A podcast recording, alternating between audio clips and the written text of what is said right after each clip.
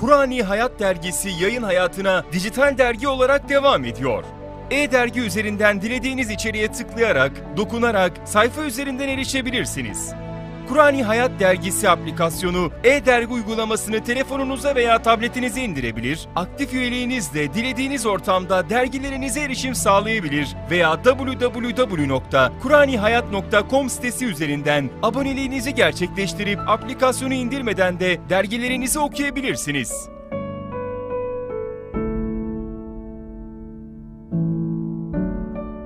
Bir yıllık abonelik paketi içerisinde neler mi var?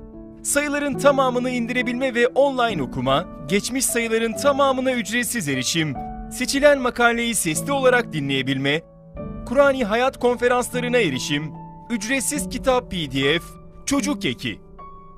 www.kuranihayat.com Kur'ani Hayat Dergisi yayın hayatına dijital dergi olarak devam ediyor. E-Dergi üzerinden dilediğiniz içeriğe tıklayarak, dokunarak sayfa üzerinden erişebilirsiniz. Kur'ani Hayat Dergisi aplikasyonu e-dergi uygulamasını telefonunuza veya tabletinize indirebilir, aktif üyeliğinizle dilediğiniz ortamda dergilerinize erişim sağlayabilir veya www.kuranihayat.com sitesi üzerinden aboneliğinizi gerçek 38. dersimizde yine beraberiz.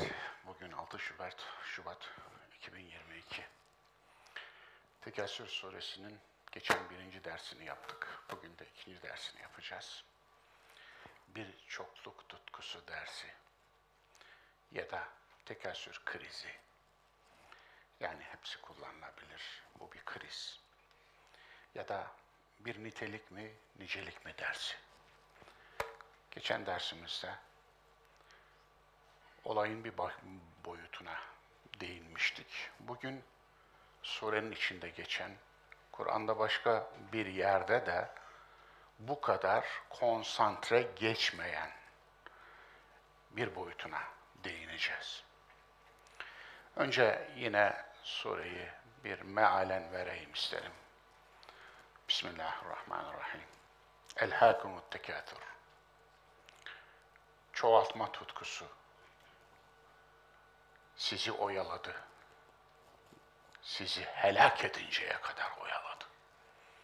Mahvedinceye kadar, tüketinceye, bitirinceye kadar oyaladı. Hatta zurtumul makabir.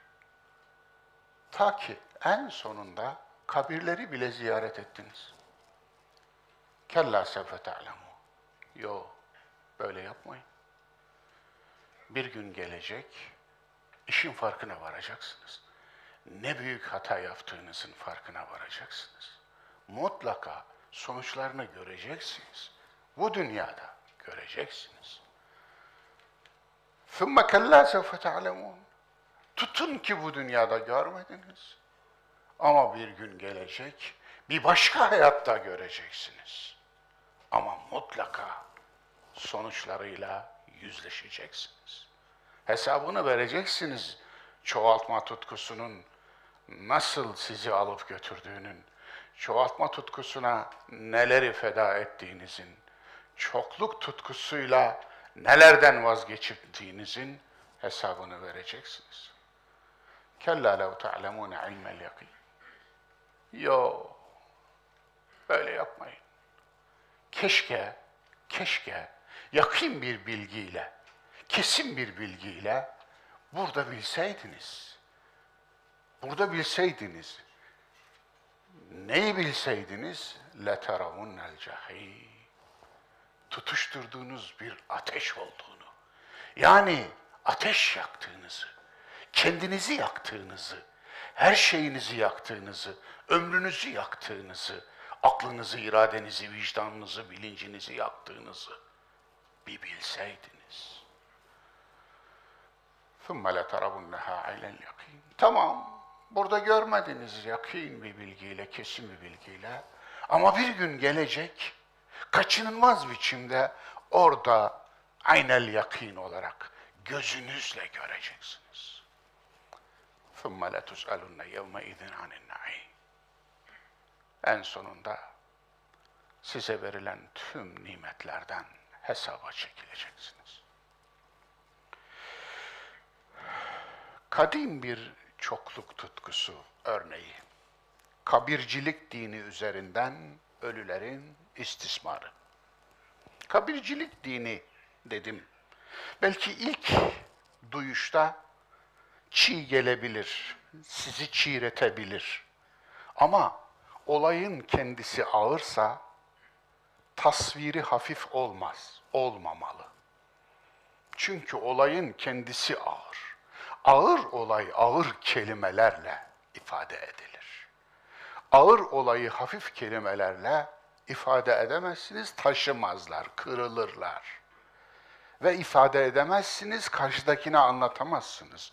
Olayın ağırlığını anlatamazsınız. Bozulma ağırsa, çürüme ağırsa, yozlaşma ağırsa onu ağırlığı oranıyla oranında nakletmelisiniz. O ağırlığı taşıyacak ağır kelimelerle nakledersiniz. Başka çaresi yok. Onun için kabircilik dini, bu bir din. Hakikaten bu bölümü bitirdikten sonra, bu dersi bitirdikten sonra bunun birçok dini içinde taşıyan garip bir din olduğunu göreceksiniz. Şu anda da insanlığın en büyük nüfusunun bu dine iman ettiğini göreceksiniz. Kabircilik dinine. Evet bu bir din. Sadece din değil bu öyle bir din ki diriler ölüler tarafından yönetilir. Bu dinde. Bu dinde ölülerin hatırı dirilerin hatırının bin kat üstündedir.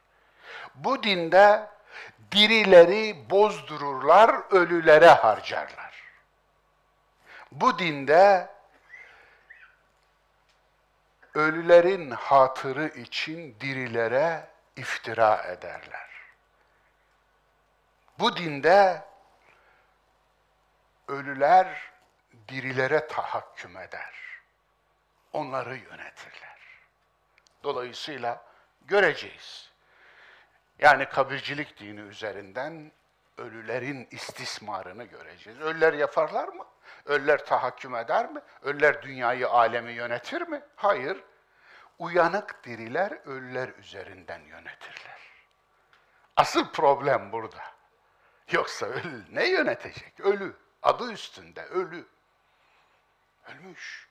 Sağdan sola dönemez. Kendi başını tutamaz üstüne bir haşerat gelse onu alıp da şuraya koyamaz. Ayağım yoruldu, şunu bir çevirin diyemez. Nefesim daraldı, şöyle çevirin diyemez. Ölü, adı üstünde. Canlı değil artık. Ama uyanık diriler, tilki diriler, çakal diriler, ölüler üzerinden yönetirler. Ölüler üzerinden güç devşirirler. Ölüler üzerinden tahakküm yürütürler. Problem de bu. Evet, tüm anlatacağımız ders suredeki hatta zurtumul mekabir. Zurtum ziyaret kökü, oradan gelir işte ziyaret kelimesi. Türkçeleşmiş zaten, kullanıyoruz. Makabir Kabirler demek zaten. O da Türkçeleşmiş, dilimize geçmiş. Onu da kullanıyoruz. Dolayısıyla yabancısı değilsiniz. Ayet ne diyor? İşi kabirleri ziyarete vardırana dek çokluk tutkusu sizi helak etti diyor. Evet. Elhâkumut tekâthur hatta zurtumul makabir. İşi kabirleri ziyarete vardırana dek çokluk tutkusu sizi helak etti. Kabir Yunancadan Arapçaya geçmiş bir kelime. Araştırmalarım sonucunda ulaştığım sonuç bu. Kaberoi kelimesi Yunanca. Ki başka kelimeler de var Yunancadan Arapçaya geçmiş. Bu kelime de öyle gözüküyor. Kabirler, lahitler, türbeler, sunaklar. Bazıları kabirlere kıyamamış ki kabir ziyareti ölmekten kinayedir demiş. Yani özellikle yeni bir yaklaşım bu. Biraz da Elmalı'yla meşhur olmuş. Merhum Elmalı Üstadımız kıyamamış. Oysa, oysa bunun tevhile ihtiyacı yok. Hatta zürtumul makabir. Ta ki kabirleri ziyaret ettiniz. Tamam. Sade, saf, Kelim, manası bu cümlenin. Ama hayır demiş, kabir ziyareti ölmekten kinayedir. Yani ta ki öldünüz, ölünceye kadar demiş. Oysa ki hattel mevt çok basit. Çok da kullanışlı ve Arapçaya, Arapçanın dil yapısına da çok uygun. Hele Kur'an'ın dil yapısına çok uygun. Hattel mevtler bitirirdi söz. Hatta zürtumul makabir ayrı bir şey. Dolayısıyla bunun tevile gereği yok. Niye öyle? Kabir ziyaretini kurtarmak istemiş. Kabir ziyaretine bir şey mi olmuş ki kurtarmak istemiş? Evet bir şey olmuş. Vahhabilik diye bir akım, Selefilik içinden çıkmış bir akım İbn Teymiye'ye kendisini nispet etmiş. 18. yüzyılda çıkmış bir akım var. Bu akım Ali Suud, Suud ailesine yaslanarak, onun siyasal gücünü arkasına alarak Arabistan'da hayli icraatlar yaptı. Bu icraların, icraatların en başında ne geliyordu biliyor musunuz? Kabirleri yıkmak. Yani kabir terminatörlüğü. Dolayısıyla buna bir tepki olarak böyle bir tefsir geliştirmişler. Vahabilerin kabir terminatörlüğünün savunulacak hiçbir tarafı yok. Yani kabirlerle savaşacak. Başka savaşacak şeyin mi kalmadı senin? Yani dirilerin şerrini bitirdin de ölülerin evleriyle mi, kabirleriyle mi, mezarlarıyla mı savaşıyorsun? Ne olacak bunu? Yani kabri yıktın ne olacak? Ne kazandın şimdi? Vesaire. O ayrı bir mesele. Bu tuzağa ben de düştüm. İşte tevbemi fiilen bura- burada yapıyorum. Yani bu tevil tuzağını. Bu doğru değil çünkü. Bu tevil tekasür bağlamıyla hepten alakasız çünkü. Hepten alakasız. Yani ölünceye kadar sizi çokluk tutkusu oyaladı. Ama öyle demiyor ayet zaten. Bir ikincisi de gerçekten kabir meselesi, ölüler meselesi, mezarlar meselesi gerçekten tekasürle alakalı. Çoklukla alakalı bir şey. Şimdi onu göreceğiz zaten. Vahabi vandallığına vuralım derken ayetin dalını kesmişiz. Ayetin kanadını koparmışız. Eli, kolunu, kanadını koparmışız. Müşrik kabileciliği iş kabirlere saymaya kadar vardırmış. Evet. Sebebi nüzullerde de nakledildiği gibi müşrikler birbirleriyle kabile yarıştırıyorlar. Ataları yarıştırıyorlar. Zaten dinlerinin bir adı var. Atalar dini, babalar dini yarıştırırken kabirleri saymaya kadar varıyorlar. Dirileri sayıyorlar. Gücü, kabir şeylerin, kabilenin gücünün daha yüksek olduğunu söylemek için, ifade etmek için kabirleri saymaya kadar işi vardırıyorlar. Ölülerini bile sayıyorlar. Ölüler üzerinden de güç devşirmeye kalkıyorlar. Zira kabir her devirde güç ve sayı tapıcılığı tarafından istismar edilmiş. Bugün de istismar ediliyor. Edilmiyor mu? Kabir nasıl istismar edilmiştir? İşte şöyle. Bu bir kabir. Nemrut Dağı'dır bu. Bunun bir kabir olduğunu biliyorsunuz değil mi? Gençler kalemimi aldınız, güzel aldınız. Peki niye getirip koymadınız? Efendim? Anlamadım. Evet, bu bir kabir. Burada bir ölü yatıyor. Komagene krallarından biri. 2100 yıl önce ölmüş. Buraya gömmüşler. Ve ona tapan, onun tanrılık makamına yükseldiğini, ölünce Tanrı'ya yakın olduğunu, ölünce tanrılık makamına yükseldiğine inanan onun etbaı ne yapmışlar? Biraz da metazoriyle, zor yoluyla dağın üstüne bir dağ daha yapmışlar. Elle taşınmıştır bu. Evet, bu garibanların, mazlumların, elleriyle taşınmıştır bu taş toprak. Bunun bir kabir olduğunu düşünebiliyor musunuz? Bakınız. Evet. Dolayısıyla affedersiniz Kral Midas'ın babasının tümülüsü. Özür dilerim efendim. Oraya gelmedik. Evet, Kral Midas'ın babasının tümülüsü. Bu. Tümülüs. Kurgan höyük de deniyor buna. Kral Midas biliyorsunuz. Eşek kulaklı kral diye de meşhurdur. Aynı zamanda parayı icat eden insan olarak da bazı kaynaklarda geçer. Evet, tümülüsler. Anadolu'da bilmem bilir misiniz? Höyükler. Hemen hemen birçok yerde vardır. Anadolu'da höyük gerçekten çok yaygındır. Trakya'da daha yaygındır. Avrasya steplerinde başlamış 4000 yıl evvel, affedersiniz milattan önce 4. bin yılın başlarında başlamış, 6000 yıl önce. Bir gelenek bu. Liderlerini, reislerini getiriyorlar, bir tepeye gömüyorlar, etrafına taş dolduruyorlar. Ona bir ahşaptan da sanduka yapıyorlar. Daha sonradan taş sandukaya evrilmiş, daha sonradan lahide evrilmiş bu. Bayağı bir evrim geçirmiş bir hadise bu. Ondan sonra üzerine toprak yığıyorlar. Tabii bunlar milattan önce 4. bin yılın başlarında başlayan bu olay neye dönüşüyor? Ziguratlara dönüşüyor bazı kültürlerde. Sümer'de olduğu gibi, Maya kültüründe olduğu gibi. Yani basamaklı piramitlere dönüşüyor. Anlatabiliyor muyum? Basamaklı. Ondan sonra daha da sofistike bir hale getiriyorlar bu kabir işini ve Mısır'da piramitlere dönüşüyor. İşte Kefren, Keops diğerleri bu piramitler birer kabir, birer mezar. Tümülüs yani tümülüs aslında Türk dillerinden alınmış ve Slav dillerine geçmiş bir kelime olarak. Ee, hayır, tümülüs Latince, kurgan. Türk dillerinden alınmış bir kelime. Höyük de bizde meşhur. Anadolu'da höyük derler zaten genelde. Benim ilçemde mesela Devel'de civarında bir sürü höyük var. Onlar da kabile şeflerinin, kabile liderlerinin mezarları böyle. Dolayısıyla bunlar mezar.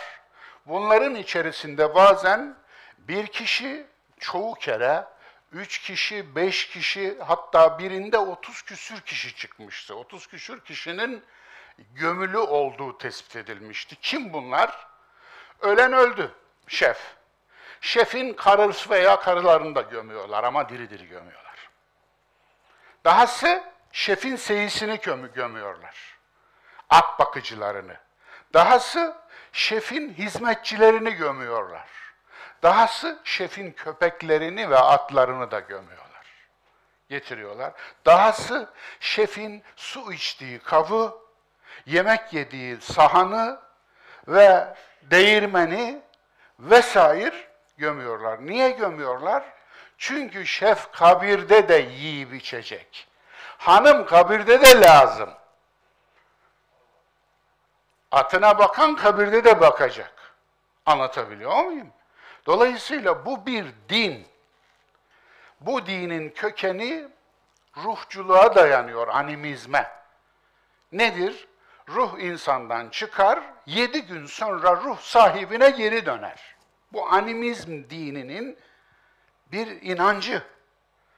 Dolayısıyla ondan sonra bu dönüşte kademelerdir 40, 40. gün, 52. gün ruhun dönüş kademeleridir.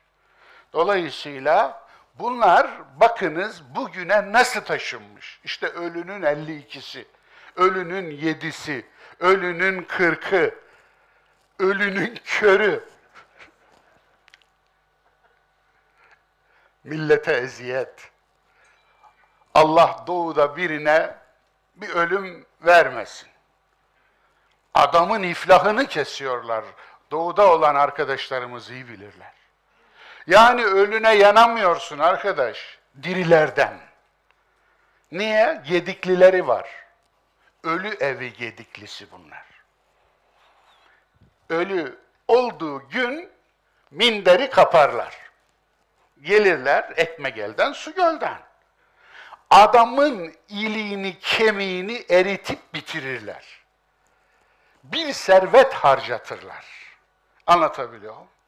Bir gün, iki gün, üç gün, beş gün, bazen on gün, bazen kırk gün gitmez oradan. Yer, içer, akşam yatacak zamanı gider yatar, yine sabah bir de bakmışsın kapının önünde bitmiş. Allah'tan korkar insan değil mi? Ne geleneği ya? Gelenek falan değil. Bu gerçekten bir soygun. Hem de silahsız soygun. Düşünebiliyor musunuz? Dirilerin ihtiyacı var. O evin ihtiyacı var. Ölüsüne yanmıyor, ölüsüne ağlayamıyor bile. Çünkü diriler ona izin vermiyorlar. Acısına yanamıyor düşünebiliyor musunuz? Bu nasıl bir gelenektir? Ayrı bir mesele. Evet. Bu iş kurganlarla başladı. Milattan önce 4000'lerin başında. Daha sonra bakınız. Geldiği yer burası. Sizce bu nedir? Lahit odasına girmek için ben iki üç defa girdim. Şimdi yasak zaten. En büyük piramidin. Lahit odasına girmek için secde haline gelmeniz lazım. Orayı öyle yaptırmış Firavun. Onun için yani ölüsünün huzuruna senin secde halinde sürünerek varman lazım alnın yerde. Ancak öyle geçebiliyorsun. Ben demiştim ya nasıl çözüm bulayım diye ancak ters girdim efendim. Yani o gerekir miydi? Yani secde aslında gönlünüzün duruşudur efendim. Yani gençlikte işte böyle bir çözüm bulmuş olduk. O da bizim eylemimiz demek ki. Efendim 35-40 yıl önceki olay. Ama bu acayip Firavun geleneğinin bizim medreselerimizde yaşatılmasına ne dersiniz? Bazı medreselerde talebe odasına girerken kapılar böyle engin olur. Bir de böyle iftihar ede ede anlatmazlar mı onu? Biz adamı burada eziyoruz, rükû haline getiriyor, iki büklüm diyor öyle sokuyoruz. Anlatabiliyor muyum? Bu, o Yahudi midraşlarından, medreselerinden alındı. Bazı kiliselerde de böyledir. Kudüs'te bir kilise vardır, bilmem bilir misiniz? Böyle etmeden giremezsiniz kiliseye. Rükûa eğilmeden giremezsiniz. Bu nedir? Al ez adamı ez. Ruhbanların önünde kır onurunu. Yani karakterini ufala. Şahsiyetini yok et. Özgürlüğünü ez. Vur kafasına. Ey! Önünde bir rükûa eğdir. Ondan sonra geçsin. Ondan sonra da şahsiyet bekleyeceğini öyle mi öyle? İşte bizim medreselere de sıçradı bu şahsiyetsizlik meselesi. Bununla bir de övünmemize ayrıca üzülüyorum. Evet, bunu yaptıran Firavun'un köleleri arasında olmak ister miydiniz? Yani siz de yüz bin kişi büyük Firavun'u yaparken, bir büyük piramidi yaparken öldü. Kayıtları var tarihte. Bunu 30 bine kadar indirenler de var. Bilemiyoruz. Ama bunu yaparken ölen insanların gömüldüğü çok büyük bir mezar var orada bulundu ve bu mezar üzerine yapılan araştırmalar yüz binleri bulan insanın oraya gömüldüğünü gösterdi. Toplu gömü, toplu ölümler. Nasıl bir şey bu? Tabi bu şunu şu anlama gelmiyor. Gidelim, e efendim piramitleri yıkalım. Hayır, hayır. Taşına dokunamazsınız. Dokunmamalısınız. Niye? İnsanlık mirasıdır. Niye? İbret vesikasıdır. Kul siru fil ard. Fenzuru keyfe kâne âkibetul mucrimin. De ki dolaşın gezin yeryüzünü. Mücrimlerin, günahkarların akıbeti ne olmuş görün. Nasıl göreceksin? Bu bir ibret vesikasıdır. Yani iyisi örnektir, numuneyi imtisaldir, kötüsü ibrettir. İyisini örnek alırsın, kötüsünden ibret alırsın. Ama yaşar, dokunamazsın. Unutmayın, buralar ne zaman fetholundu? Hazreti Ömer zamanında. Amr ibn As da ordu komutanı. ve Mısır'a girdi. Giren sahabe ordusuydu. Bir tek taşına dokunmadılar. Bir Firavun heykeli yıkılmamıştır sahabe ordusu tarafından biliyor musunuz? Mısır Firavun heykelleriyle doluydu. Burada da işte Ebul Hevl var, Sphinx. Görünmüyor şu anda bakınız. Efendim, yani uçta kalıyor, görünmüyor. Biliyorsunuz, arslan bedeni üzerinde bir insan başı. Sphinx diyorlar buna. Buna da ayrıca tabii tazim gösteriyorlar, tapıyorlar. Tapınma nesneleri bunlar. Aynı zamanda simgesel, sembolik bir takım değerleri var. O kültürde, o dinde. Ve Sphinx'e bir şey yapmıyorlar. Sonrakiler geliyor, tırnak içinde radikal kaçıklar, Sphinx'in burnunu kırıyorlar, kulaklarını kırıyorlar, Firavun heykellerinin veya diğer heykellerin gözlerini oyuyorlar vesaire. Bununla tatmin oluyorlar. Şunu bilmiyor, her put heykel değil, her heykel put değil. Yüreğine bak put arıyorsan. Anlatabiliyor muyum?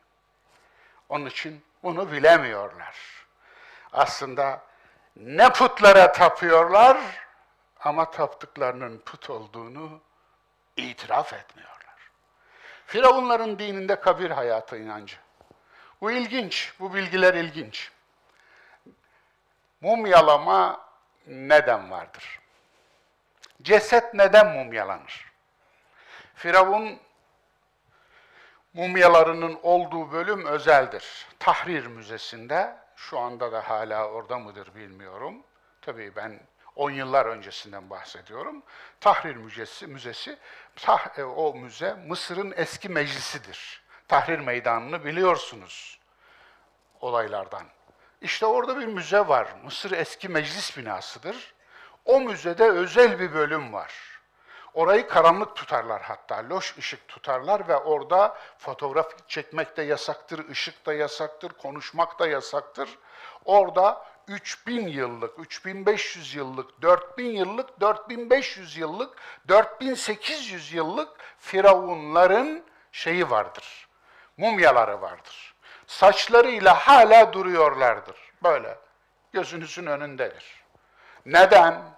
4800 yıl, 4500 yıldan beri bir ceset tutuluyor, ayakta tutuluyor. Neden?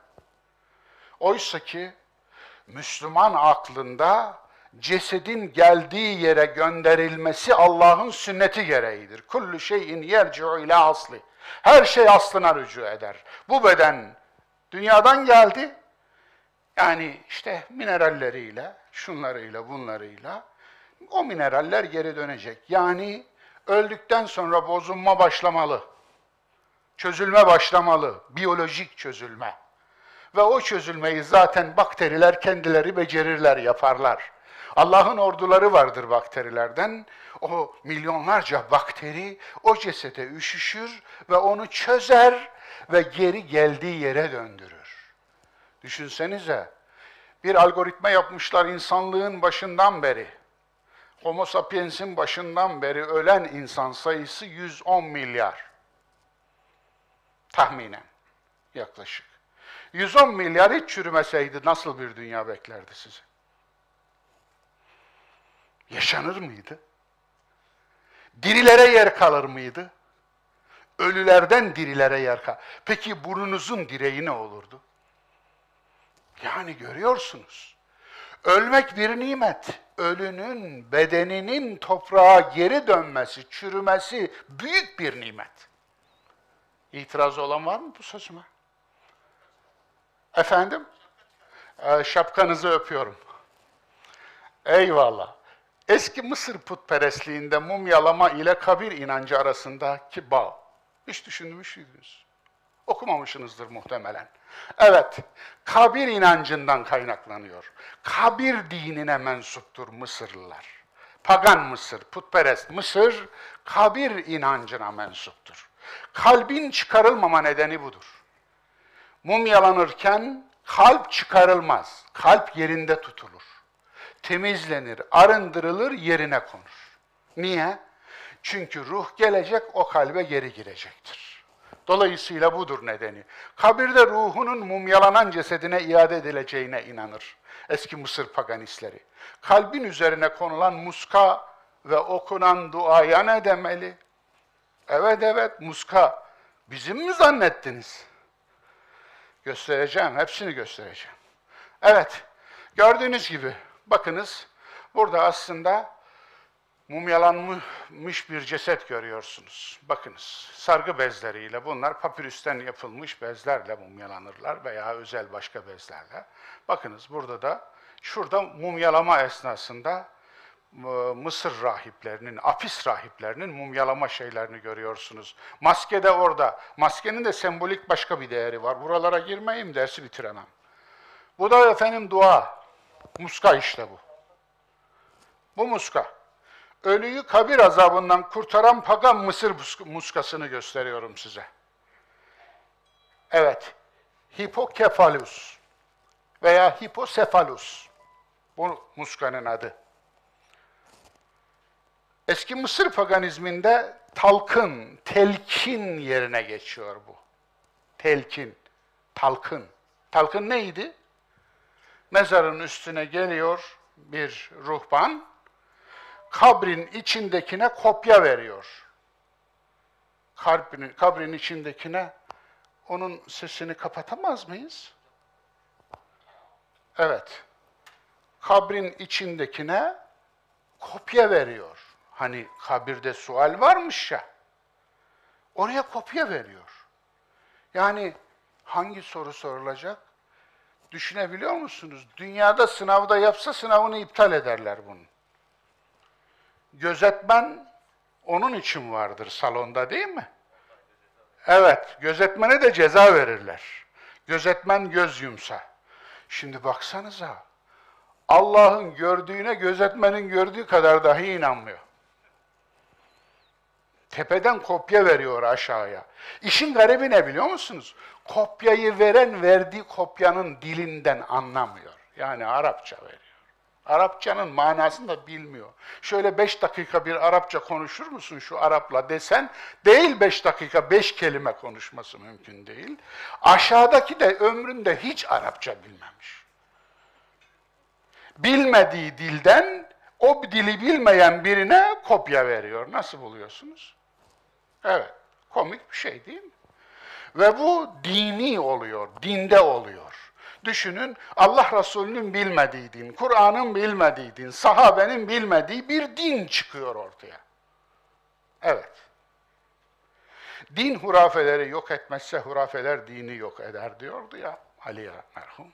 İşte o oluyor. Yine afiyet olsun. Evet burada yine bir kabir var. Nemrud'un mezarı. Biraz önce söylediğim için bakınız şu bölüm, şu üstteki bölüm elle taşındı. Nemrut Dağı'nın üstüne insan eliyle, tabii ki bunlar köleler, bunlar insanlar ve dağın tepesine bir kabir yapılıyor. Sadece bir kişi için yapılıyor bu.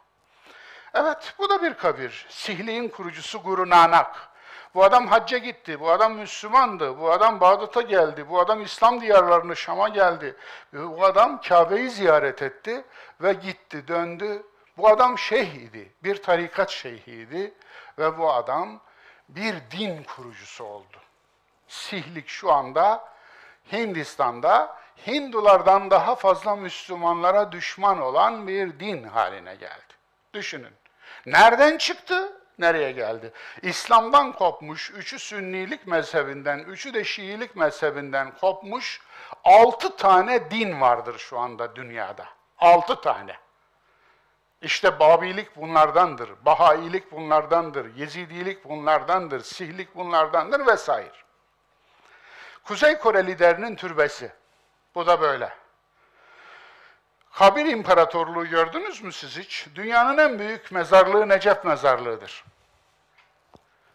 Çok küçük bir kısmı efendim. Ve bu mezara gömülmek için İran'dan ve diğer Şii dünyadan insanlar bir servet öderler. Evet evet. Evlere ödenmeyen servet burada bir kabir sahibi olmak için ödenir. İlginçtir. Peki bunun Türkiye'deki mukabilleri yok mu? Veya bu diğer görüntülerin, diğer mezarların, türbelerin? Yok canım bizde olur mu öyle şey? Onun için olmadığı için ben bulamadım mesela. Efendim veyahut da o kadar çoktu ki içinden seçemedim. Ölüleri öldürmemek. Problem bu. Asıl problem ölülerin ölmesine izin vermemek. Ölüleri bir türlü gönderememek. Düşünsenize, ölüyü kucaklayan bir adam düşünün. Ölmüş. Tamam, bir gün kucaklar. İki gün daha onda enerji devam eder biliyorsunuz. Sakalları uzar, tırnakları uzar, saçları uzar vesaire. Ondan sonra yavaş yavaş koku gelmeye başlar, çürüme başlar. En uçlardan çürüme başlar. Bedenin en uçlarından, tırnak uçlarından, parmak uçlarından çürüme başlar. Çürüme gün geçtikçe, saat geçtikçe artar. Düşünün, üçüncü, beşinci, yirminci, iki ay, üç ay, dört ay, on ay sonra ne olacak? Bunu kucaklayan adam ne olur? Düşünülemez değil mi? Düşünemezsiniz. Mümkün değil. En sevdiği, dünyada birbirine en çok seven iki insan düşünün. En çok sevdiğinin kucağına ölüsünü verin. Kaç saat taşıyabilir? Kaç saat tahammül edebilir? Buyurun. Yok işte. Öldüğü zaman o neyse insandaki o şey artık insan olmaktan çıkıyor. Bir ceset oluyor. Bitiyor. Yani işte bizim şark toplumları da ölülerini böyle kucaklıyorlar. Ölünün cesedini kucaklasa farkına varır. Ama ölünün imajını kucaklıyor, imajını. Onun içinde huve emate ve ahya ayetine savaş açıyor. O öldüren de o, dirilten de o. Ayet bunu diyor. Huve emate ve ahya. Yani ölümü yaratan da o, hayatı yaratan da o demek. Doğru çeviri bu. Ölümü yaratan da o, hayatı yaratan da o. Peki ölümü yaratana razı mıyız? Güzel insanlar. Ölümü yaratana razı mıyız? Yaratışına razı mıyız? Hayatı yaratana razı mıyız? O ayrı mesele. Razıyız. Peki ölümü yaratana razı mıyız? Yarattığı ölüme razı mıyız? Hadi buyur. Bir girelim meseleye.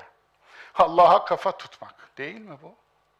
Yani ölümü yaratan, yarattığı ölümün kurallarını belirlemiş, sünnetullah koymuş, kanunları oluşturmuş, yasaları kurmuş ama Allah'a kafa tutuyoruz. Ne yapıyoruz? Sen istediğin kadar öldüren de benim de, ölümü yaratan da benim de. Sen öldürsen de biz inadına öldürmeyeceğiz. Allah'a bunu diyor. Ey Allah, sen ölümü yaratan benim diyorsun değil mi? Ben de al bunu buraya çiziyorum. Ben de yarattığın ölümle savaşacağım. Buyurun. Ölmüş. Ölmüş zaten. Yani sağlık aramak, ölümle savaşmak değil. Aksine hayata sahip çıkmak. Hayat emanetine sadakat göstermek. Sağlık aramak budur. Anlatabiliyor muyum? Ama ölmüş zaten. Ne yapmayı düşünüyorsun? Mezarda mı olsun? Mezarda mı? Mezara girmiş mi? Olsun. Biz ona piramit, mozole, lahit, türbe yapacak, yaşatacağız. Tanrı kralı, hero, sen, aziz, evliya, dede, baba diyecek yaşatacağız. Yaşatmak ne kelime? Kabirden dünyayı, alemi yönettireceğiz. Bu çok önemli. Evet, alemi alemde tasarruf eder diyor. Açın menakıb kitaplarını. Evliyalar ansiklopedisi. Evliyalar, bir de ları var bak. Efendim, evliya zaten çoğuldur. Velinin çoğulu. Larlar yani, velilerler. İşte o ansiklopediyi açın. Orada yazan o efendim gerçekten de hakikate küfür olan menkıbelerden okuyun şöyle. Aleme tasarruf ederdi diyor. Kitabül İbriz'de Cümle aynen şöyle. Kutbun izni olmaksızın alemde, kainatta değil bir şey, bir kedi, bir fareyi bile yakalayamaz. Nasıl? Hadi buyurun. Kutup nerede? Öldü. Mezarı da burada. E, kutup ölmüş. Yani kedi, fare yakalayacak, şu bu alem, aleme nizamat verecek. İyi de hayatını düzenleyememiş, yaşayamamış. Gelen ölümü savuşturamamış başından. Peki nasıl aleme nizamat verecek? Verecek işte. Verecek dediksek verecek. Kabirci toplumlar yürüyen ölüler ülkesi. Mezardan yönetilen insanlar, tarikatlar, sürüler ve ülkeler. Anakronik toplumların ne şimdisi ne geleceği var. Anakronik toplum ne demek? Anakronizm ne demek? Zamanı şaşırmışlık, zaman dışılık, zamansızlık. Evet, Doğu Müslüman şark toplumları maalesef anakronik toplumlar. Zamansız, zamanı yok. Dedesinin yediğiyle adamın karnı, torunun karnı doyar mı dostlar? Doyar mı? Dedesinin yediğiyle torunun karnı doyar mı? Buyurun. Ölülerin kölesi, tarihin nesnesi olan toplumlar. Şimdi tarih başına bela olmuş. Geçmişleri yönetiyor. Geleceği olur mu böyle bir toplumun? Böyle bir toplumun geleceği olur mu? Böyle bir toplum geleceğini planlayabilir mi? Böyle bir toplum keşif yapar mı? Bilim yapar mı? İlim yapar mı? Böyle bir toplum varlığın yasalarıyla ilgilenir mi? Fenle ilgilenir mi? Matematikle ilgilenir mi? Fizikle, biyolojiyle, kimya ile ilgilenir mi? Peki ilgilenmezse ne olur? İlgilenenlerin ürettiklerinin tüketicisi olur. Buyurun. Sebep sonuç ilişkisi Allah'ın yasası. Başka ne bekliyorsunuz ki? Kur'an'da iki alem var. Ya karşı dinde ne var? El hayatu dünya vel hayatul ahire. İki kavram olarak geçer Kur'an'da bunlar. Dünya hayatı, ahiret hayatı. Peki azap nedir? Kur'an'da yine iki tür azap var. El adabu dünya vel azabul ahire. Dünya ve ahiret azabı. Peki öbür dinde ne var? Kabir hayatı, kabir azabı. Evet, kabir hayatı diye bir hayat. Niye yani gerek duymuşlar? Yani Allah böyle bir hayat var demiyor. Peki birileri niye böyle bir hayatı dinin içine koyma ihtiyacı hissediyorlar? Kabir alemi, misal alemi, berzah alemi, ruhlar alemi say gitsin yani alem uyduruyor. Rüyaya da misal alemi diyor mesela. O da bir alem diyor. Dolayısıyla rüyaya bir alem diyecek ki rüyamda gördüm diye senin üzerinde tahakküm yürüsün. E peki sana ne düşüyor o rüyamda gördüm? Kızını bana vereceksin. Doğuda çok olmuş bir olay bu. Evet. Aynen ha. Bakınız olayları bizzat yaşandığı yerleri biliyorum. Rüyamda gördüm diyor. Adam kendisi 55 yaşında. Efendim 14 yaşında kızını Peygamberimiz geldi diyor, senin kızını benimle nikahladı diyor. Haydi, şimdi adam ne desin birader, ne desin? Şimdi bir şey dese Peygamberimizin emrine şey olacak. Efendim. Şimdi bu rüyayı görmedin sen sahtekar dese daha büyük bir şey olacak. O aklına bile gelmez bile. Bunu söyleyecek adam bile yoktur onu söyleyeyim. Yani şunu söyleyeyim, işin garibi, eğer evladına, hanımına, ailesine bir küfür etse adamı çeker vurur mu? Alnının çatından vurur. Ama aynı adam senin kızını rüyamda peygamberimiz bana nikahladı diyen adama efendim boynumuz kıldan incedir. Peygamberimizin başım gözüm üstüne diyor. Ve bunlar yaşanıyor. Bunu bizzat yaşayan üç ayrı tanıktan dinledim. Düşünebiliyor musunuz? Dolayısıyla bu, bu da bir alem mesela, misal alemi. Kabir alemi, misal alemi, kabri zombiler şehri olarak kurgulayıp dine mal etmek ne neyin nesi? Kabirde yaşıyorlar diyor. Getirmedim midenizi bulandırmak için. Hani şu cukkalı var ya, diyor ki peygamberler diyor kabirlerinde diyor hanımlarıyla lezzetlenirler diyor. Takmışlar oraya, takmışlar. Başka dertleri yok. Şimdi kabirde bir hayat planlıyor. Kabrin içinde bir hayat planlıyor. O hayatın içinde de cinsellik bir numarada. O hayatta da yine dünyada fantezileri neyse o hayatta da kabrede o fantezileri taşıyor. Hadi onu geçelim. Kabir sorularını da çalmışlar iyi mi? Ben bunu bir tarikatın sitesinden aldım. Kabir suali, mülakat sisteminin kaynağı. Evet evet şu mülakat sistemi var ya şimdi. Bunun kaynağı kabir sualidir. Şimdi Rabbin kimdir, peygamberin kimdir, dinin nedir, kıblen neredir, kitabın nedir, itikatta mezhebin nedir? Bakın itikatta mezhep. İtikatta mezhep mi olur be şaşkın? İtikatsa mezhep mi olur, mezhepse itikat mı olur? Mezhep, mezhep imamının yorumudur. Yorumdan itikat mı olur? İtikat yorum mu olur? Evet. Ehli sünnet vel cemaat nedir? Bakın devam ediyor. İtikatta imamın kimdir? Amelde mezhebin nedir? Mezhep imamın kimdir?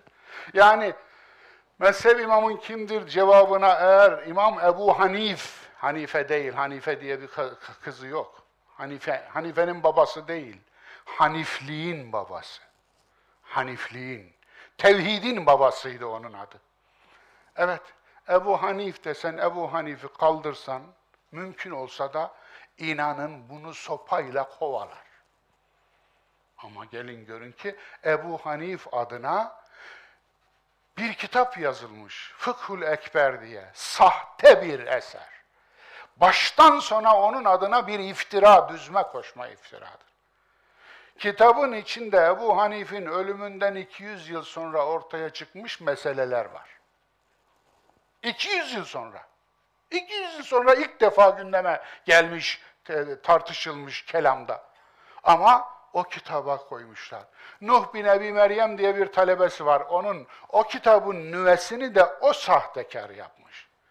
Bu adam kendi kriterlerine göre, hadisçi kriterlerine göre de hadis uyduran bir adamdı. Yani uydurma fabrikasıydı. Bu adama e, bir kitap yazdırıyorlar, onu da Ebu Hanife nispet ediyorlar. O da ayrı bir mesele. Evet, hani Nakşiliğin Halidi kolunu niye yazmadınız? O koldan olan kabir efendimden geçecekmiş ya sualsiz, hesapsız.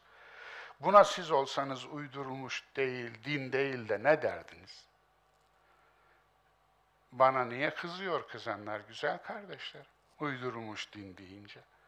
Yani biz kediye kedi deriz. Kedinin adı kedidir. Öyle değil mi? Onun için küçük aslan demenin alemi yok. Kabir azabı. Yahudilikten ithal. İbranice'de mezarlığa dirilerin evi denir. Dendiğini biliyor muydunuz? Bet Ahayim. Bet Beyt. Sami dillerin hemen hepsinde var olan bir kelime. İşte Ahayim. Dirilerin evi. İbranicesini de yazdım buraya bakın. Bugün mezarlık kültünün Kur'an'la alakası yoktur. Yahudilikten ithaldir. İlk halife Ebu Bekir'den örnek bir davranış vereceğim. Belki bazılarınız ilk defa duyacak. Daha önce duyanlar da muhtemelen benden duymuştur. Hazreti Ebu Bekir'in vefat ettiği gün. Artık vefat edeceği anlaşılmış. Ölüm hastalığı denir ona. Ve hazırlıklar yapılıyor. Hazırlıklardan biri de kefen niyetine bir beze saracaklar. Güzel, tertemiz, taze bir bez getirmişler. Öyle yani bilmem ne mensucatla dokunmuş kefen bezi falan yok yani bir bez getirmişler. O ne demiş? Birinci halife Ebu Bekir. Efendim sizin bedeninize saracağız bunu. Sizi bununla defnedeceğiz. Ona dirilerin ihtiyacı var demiş. Beni taptaze bir beze mi saracaksınız? atacağınız sizin dirilerin kullanmayacağı bir bez bulun, ona sarın. Nasıl buldunuz? Nasıl buldunuz? Gösterin bana bir tane. Hani mangalda kül bırakmayanlar, tarikat zincirinin en tepesine Ebu Bekir'i koyanlar içinde bir tane böyle bulun. Vah vah vah. Değil mi?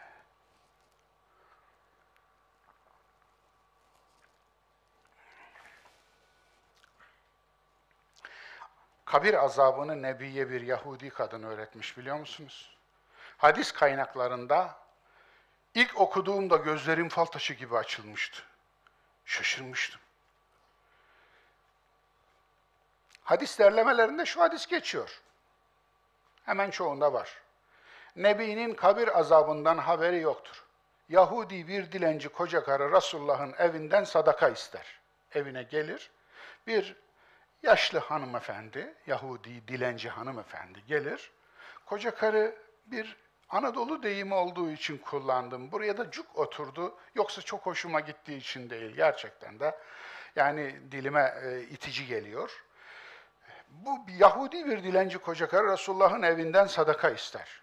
Ayşe sadaka verir ve dilenci Allah seni kafir azabından korusun der. Sadakayı aldıktan sonra.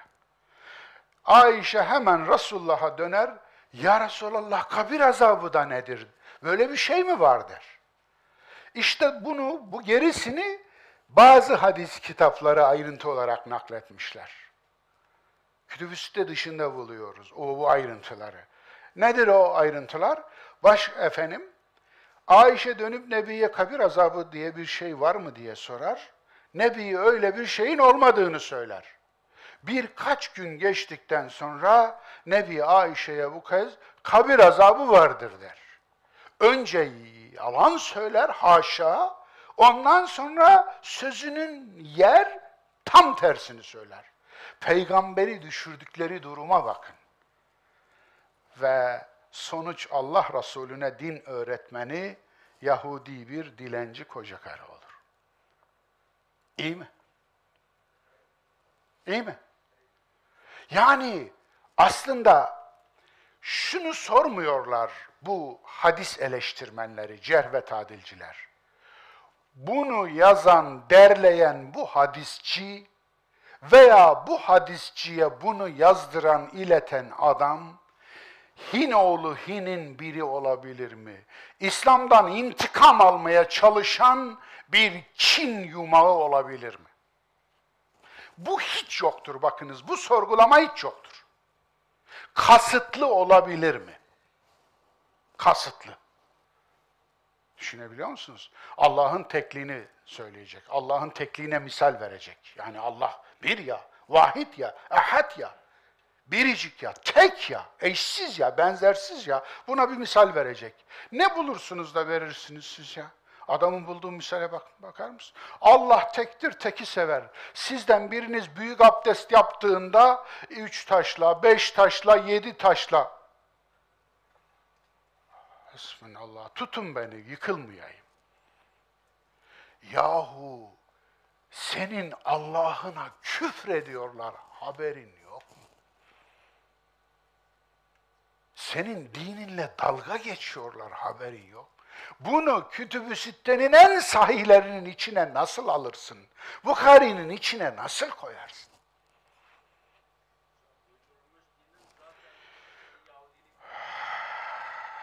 En büyük yalanlar cenaze namazında söylenir. Ölüyü nasıl bilirdiniz? der Paragöz Kıldırmen. Sorduğu soru sahte bir sorudur. Cevabı da zorunlu olarak sahtedir. İyi biliriz hakkınızı helal eder misiniz diye bile sormaz. Eder misiniz diye bile sormaz. Ediniz. Metasori. Edeceksin. Erkeksen etme. Etme de bir göreyim. Sorar. Cevap da zorunlu olarak sahtedir. Helal olsun. Kul hakkı yiyerek semirse de mi helal olsun? Ölen kardeşinin yeğenlerine kalan mirasını boğazına geçirince de mi helal olsun? Arazisinin yanındaki araziyi tırtıklayarak, tırmıklayarak kendi arsasına katınca da mı helal olsun? Hakkı olmayan, tüy bitmemiş yetimin hakkını yese de mi helal olsun? 84 milyonun hakkını yese de mi helal olsun? Kamu malına çökse de mi helal olsun? Evet, sahi bu soruyu soran da bir yiyici değil. Neden kabir azabı? Ölüleri istismar edip dirilere tahakküm etmek için. Dünya insanın, ahiret Allah'ın, peki din adamları, esnafı alemsiz mi kalsın ya? Yani Allah'ın alemi var ya. Din adamları, esnafı alemsiz mi kalsın? Bir de kabir alemi olsun değil mi? O aleme de bunlar hükmetsinler. Kabir azabı bir itikadi soygun silahıdır dostlar. Eller yukarı, kimler, kimseler kıpırdamasın. Kabir sektörü ve para çoğaltma tutkusu. Telkin, soygun, yanmaz kefen. Kim satacak yanmaz kefeni? Kabir alemi olmazsa eğer. Kabir azabı uydurulmazsa eğer. Kim alacak yanmaz kefeni? Evet, görüyorsunuz değil mi? Ehli kitap kaynaklı ölünün 7. 40. 52. gecesi hikayelerini geçtik. Bizdeki karşılığı parayla Kur'an seslendirme sektörü. Seslendirme diyorum çünkü okuma o değil. Okuma başka bir şey. Deli deli sorular geliyor aklıma şimdi kabir deyince. Atom bombasının buhar ettiği 300 bin kişiyi biliyorsunuz değil mi? Hiroşima ve Nagasaki'de 1945 yılında Enola Gay geldi, iki tane yükünü bıraktı iki şehre. 150'şer bin insan, çoluk, çocuk, genç, ihtiyar gitti. Buhar oldu. Yani kemikleri falan duruyor sanmayın. Atom bombası böyle bir şey. Buharlaştırır. Moleküllerine değil atomlarına ayırır. Anlatabiliyor muyum? Böyle bir şey. Yok. Kabri de yok. Yırttılar. Kabir azabı yok. Hadi buyur. Ne olacak şimdi bunların kabri?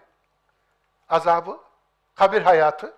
Kabir hayatsız 300 bin kişi. Kabir hayatsız. Olur mu? Evet. Yani ödül de varsa olmaz, ceza da varsa olmaz. Kabir hayatı yok. Titanik'te ölen binleri deniz canlıları yedi. Hiçbir mezarları olmadı. Onların da kabri yok. Kabir hayatı ne olacak şimdi?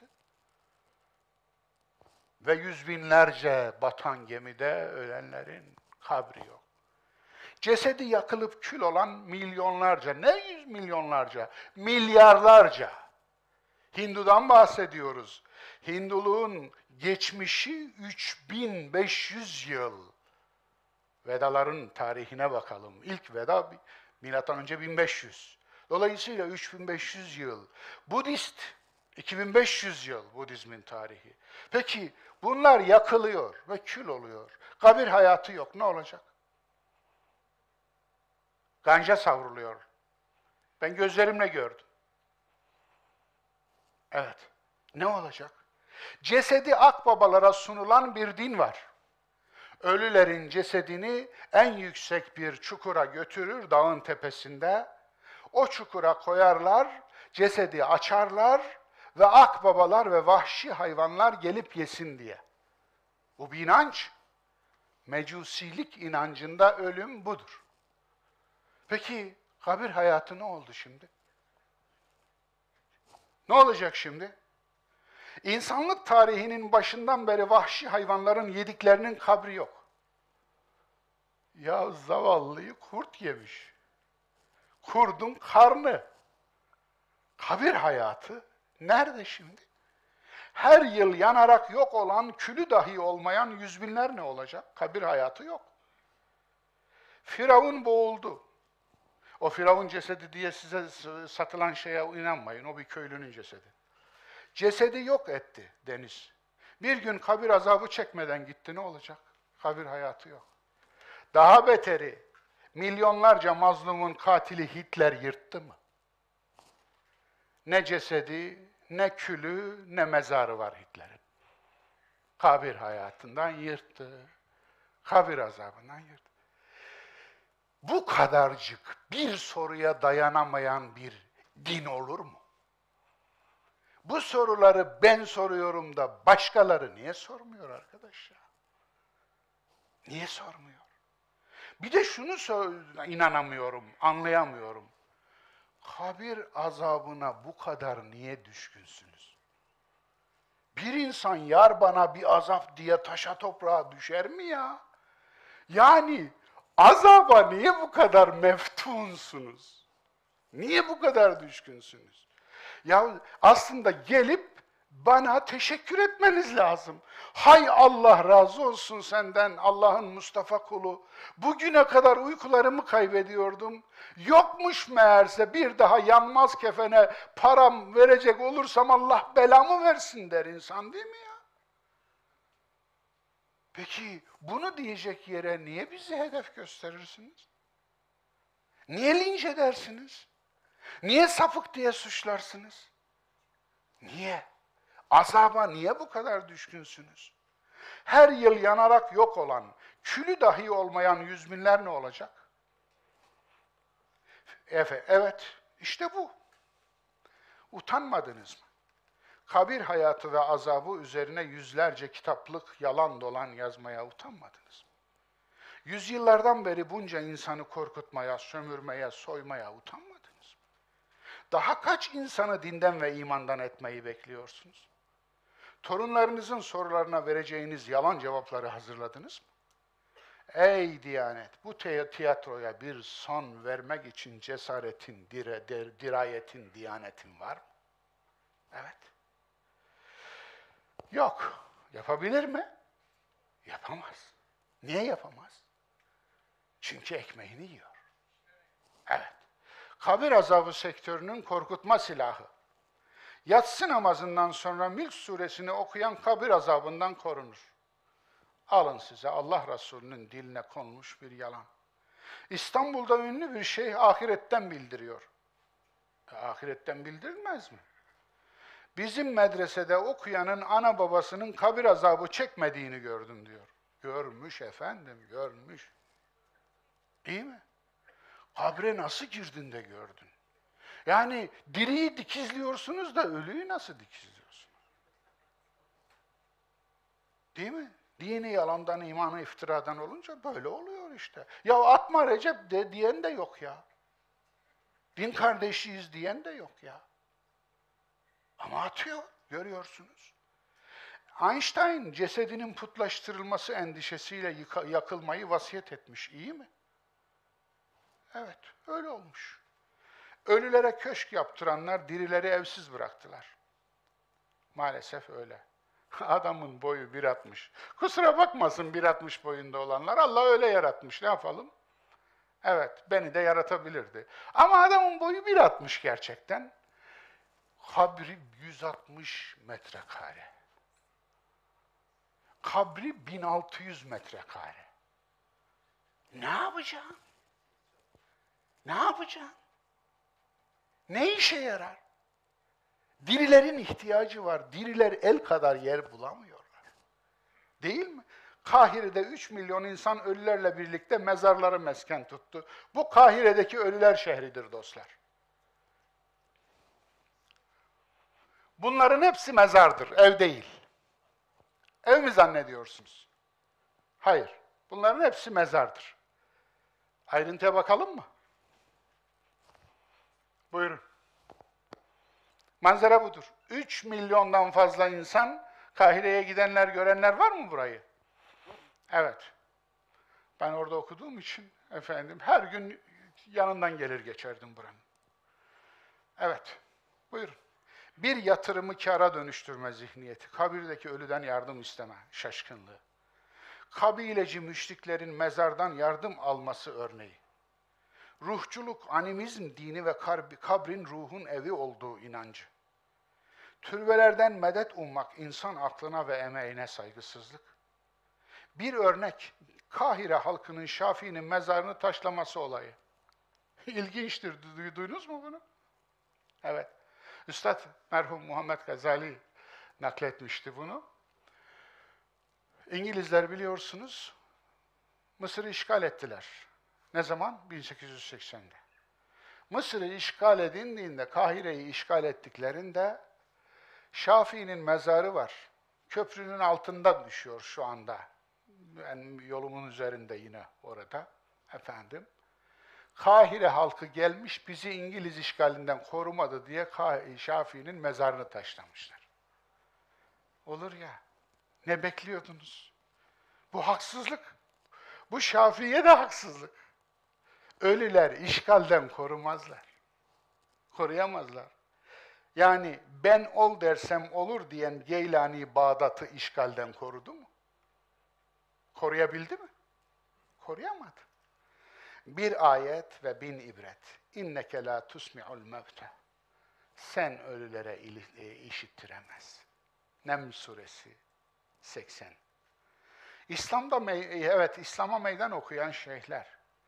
Kabrin Beytullah'tır. Ben ol dersem o şey hemen olur diyen bir şeyh var mesela Geylani.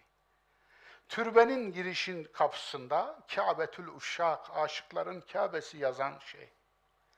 Kimin bir ihtiyacı olursa kabrime gelinsin istesin hemen veririm diyen bir şey. Şarani tabakattan yazıyor. Mezarlara rabıta yapmanın edebine dair kitap bile yazıldı bu ülkede. Ne diyeyim ben? Kur'an dirinin arkasından konuşmayın. Uydurulmuş din ölülerin arkasından konuşmayın diyor. Ne diyorsunuz? Bu ilginç değil mi? Size de ilginç geliyor mu? Gelmiyor mu? Dirilere iftira, gıybet, haysiyet cellatlığı serbest. Ölülerini kutsayanlar dirilerine neden vahşiler gibi saldırırlar? Neden bu coğrafyada kör ölür badem gözlü olur? Neden diriler ölülere kurban edilir? Neden diriyken taşlananlara ölünce tapılır? Bu işte bir yanlışlık yok mu? Şeytan bunun neresinde? Evet. 1400 yıl önce tekasür krizine dikkat çekmek mucize. Bu değilse nedir dostlar? Yani böyle bir surenin Kur'an'da var olması mucize değilse nedir? Çokluk tutkusu, çoğaltma tutkusu diye bir başlık açacak Kur'an ve bugün bize ayna tutacak. Bu mucize değilse nedir Allah aşkına sö- söyler misiniz? Evet, 1400 yıl önceden çekilmiş bir imdat freni bu. Ya da çığlığı. Evet, imdat freni. Trenlere imdat freni olur biliyorsunuz değil mi? Eğer trenin içinde bir olay yaşanır veya önde bir şey görünür veya biri kendini kaldırıp trenin altına atarsa o imdat frenini kolunu çekersiniz. Bizim imdat frenimiz var mı? Biz insanlığın. Şu anda trenin freni patladı. Ve Orsa Alaban'da ölüme doğru gidiyor. İnsanoğlunun imdat frenini kim çekecek? Soru bu. Kur'an'da ilki ayeti çok sınırlıdır. Bu ayet ve sure onlardan biridir. Evet. Bu bir ilki ayetidir. El hâkümut tekâtur. Çokluk tutkusu sizi helak etti. İlki açık ve nettir. Bireysel, toplumsal, ulusal, küresel, ekonomik, politik her boyutta insanoğlunun çoğaltma tutkusu helake götürür. Evet. Yığma tutkusu helake götürür. Buna sadakallahül azim diyor musunuz dostlar? Allah doğru söyledi. Diyor musunuz? Allah sizden razı olsun. Ama bunu yapın. Yapalım. Yapalım. Sahip olmaya değil, şahit olmaya geldik. Bu ayet olduğu için ilke olmadı. İlke olduğu için ayet oldu. Zira ayet parmaktır. Ayet hiç olmasaydı da yine ilkeydi. Zira insan böyle bir varlıktır. Evet, insan böyle bir varlıktır. Eğer insanlık bu çığlığa kulak verseydi, Müslümanlar yanlış olarak adını fetih dedikleri toprak ve ganimet çoğaltmazlardı dostlar. Çünkü onun adı fetih değil. Fetih nedir biliyor musunuz? Fetih suresine ad neden verildiyse odur. Fetih suresi bir zaferin arkasından inmedi. ne Bedir'in arkasından ne Mekke'nin arkasından. Fetih suresi bir anlaşmanın arkasından indi. Hem de sureta görünüşte aleyhte olan bir anlaşmanın Hudeybiye anlaşması. Bunun yerine hayrı, iyiliği çoğaltır, kumbaralarında insan ve gönül biriktirirlerdi. Evet, kurbara, kumbarada insan biriktirmek. Nasıl bir şey? Milyonlarca insanın öldüğü birçok savaş yaşanmaz. Çocuklar yetim, eşler dul kalmazdı. Farklılıklar rekabete, rekabet düşmanlığa, düşmanlık şeytanlaştırmaya dönüşmezdi. Deccallaştırmaya dönüşmezdi.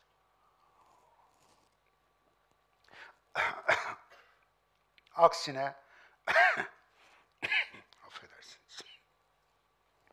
Aksine farklılıklar Allah'ın ayeti, sünneti, nimeti, muradı ve zenginlik olarak görülürdü. Sıradan insanı iki şey canavar eder. Çoğunluğa referans ve otoriteye referans. Evet. Yani çoğunluğu rehber edinirsen belanı bulursun. Önceki derste işledim. Çokluk Kur'an'da hep yerilir. Otoriteyi referans edinirsen, gücü, Allah belanı verir. Örneğin bir, bir örnek, örnek bir. Nazi Adolf Eichmann ve kötülüğün sıradanlığı meselesi çok ilginç bir mesele olarak gelir. Hannah Arendt'in harika bir eseri var, birçok eseri var da özellikle bu meseleyi incelediği kötülüğün sıradanlığı. Gerçekten de kötülüğün sıradanlığı nasıl bir şey bu? Adolf Eichmann bir Nazi ölüm makinasıdır. Nazilerden sonra 1945'ten sonra kaçıyor, saklanıyor bir ülkede. Ondan sonra ele geçiriliyor, İsrail'e getiriliyor, yargılanıyor Eichmann. Eichmann'ın mahkemede izleyen insanlar şaşırıyorlar. Kuzu gibi bir adam ya. Kuzu gibi bir adam. Gerçekten de şöyle bu adamı göstersen insanlara, ya bu adam toplu bir katliam. Mesela gaz odalarına insan doldurup yakar mı? Çocukları doldurup yakar mı? Değil onu, bu adam sinek öldürmez der insan. Bu kadar nazik, naif, efendi, halim, selim bir adam nasıl ölüm makinası olur? Hannah Arendt diyor ki, kötülüğün sıradanlığı budur işte. Zira eğer gücü referans alıyorsa, kendisininle emir veren amirlerinin sadece emrini gerçekleştirmez, niyetini bile gerçekleştirir diyor. Niyetini bile gerçekleştirir. Örnek 2. 1965-66'da Endonezya'da bir katliam yaşandı. Bunu bilenler iyi bilirler. O Sukarno Suharto efendim meselesinde bir milyon insan öldürüldü bu katliamda Endonezya'da. Adına komünist katliam denildi. Bu katliamda bin kişiyi öldüren seri katil bir Enver var. Ben izledim. The Act of Killing. Öldürme eylemi diye bir belgesel var. Enver konuşturuluyor orada. Adam öyle anlatıyor ki, anlatabiliyor muyum? Yani bin kişiyi, bin kişiden fazla insanı öldürmüş, anlatırken gezisini anlatır gibi anlatıyor. Çocuklara çorba pişiriyormuş gibi anlatıyor yani. Düşünebiliyor musunuz? Bir insan nasıl bu kadar kötü olabilir? Çok ilginç, tavsiye ediyorum. Dünya geçmişte belki beş kez küresel canlı yok oluşu yaşadı. Evet. Beş kez dünya yok oldu canlılar. Biliyor musunuz? Sıfıra kadar değil tabii. Canlı zincirinden böcekler düşerse er geç insanın başına ne gelir? İnsana gelir sıra. Evet. Dünya geçmişte beş kez yok oldu canlılar. Peki altıncı bir yok oluşa doğru gittiğimizin farkında mısınız? Bunu kaçınız biliyor? Yani şu anda tartıştığımız, konuştuğumuz, hatta kavga ettiğimiz meselelerin mesele olmadığını, asıl üzerinde düşünmemiz gereken meselenin bu olduğunu.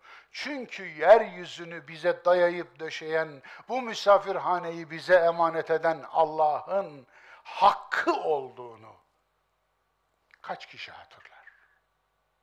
Allah hakkı diye bir hak, hak listemize girer mi? Yaşayan 20 milyona yakın canlı türü tüm canlıların yüzde biri eder. 20 milyona yakın şu anda canlı türü varmış. Biyologlar böyle diyor. Bunlar yeryüzündeki gelmiş geçmiş canlıların sadece yüzde biriymiş. Yüzde 99'u yok olmuş. Geçmiş yok oluşlarda insanın dahli yoktu.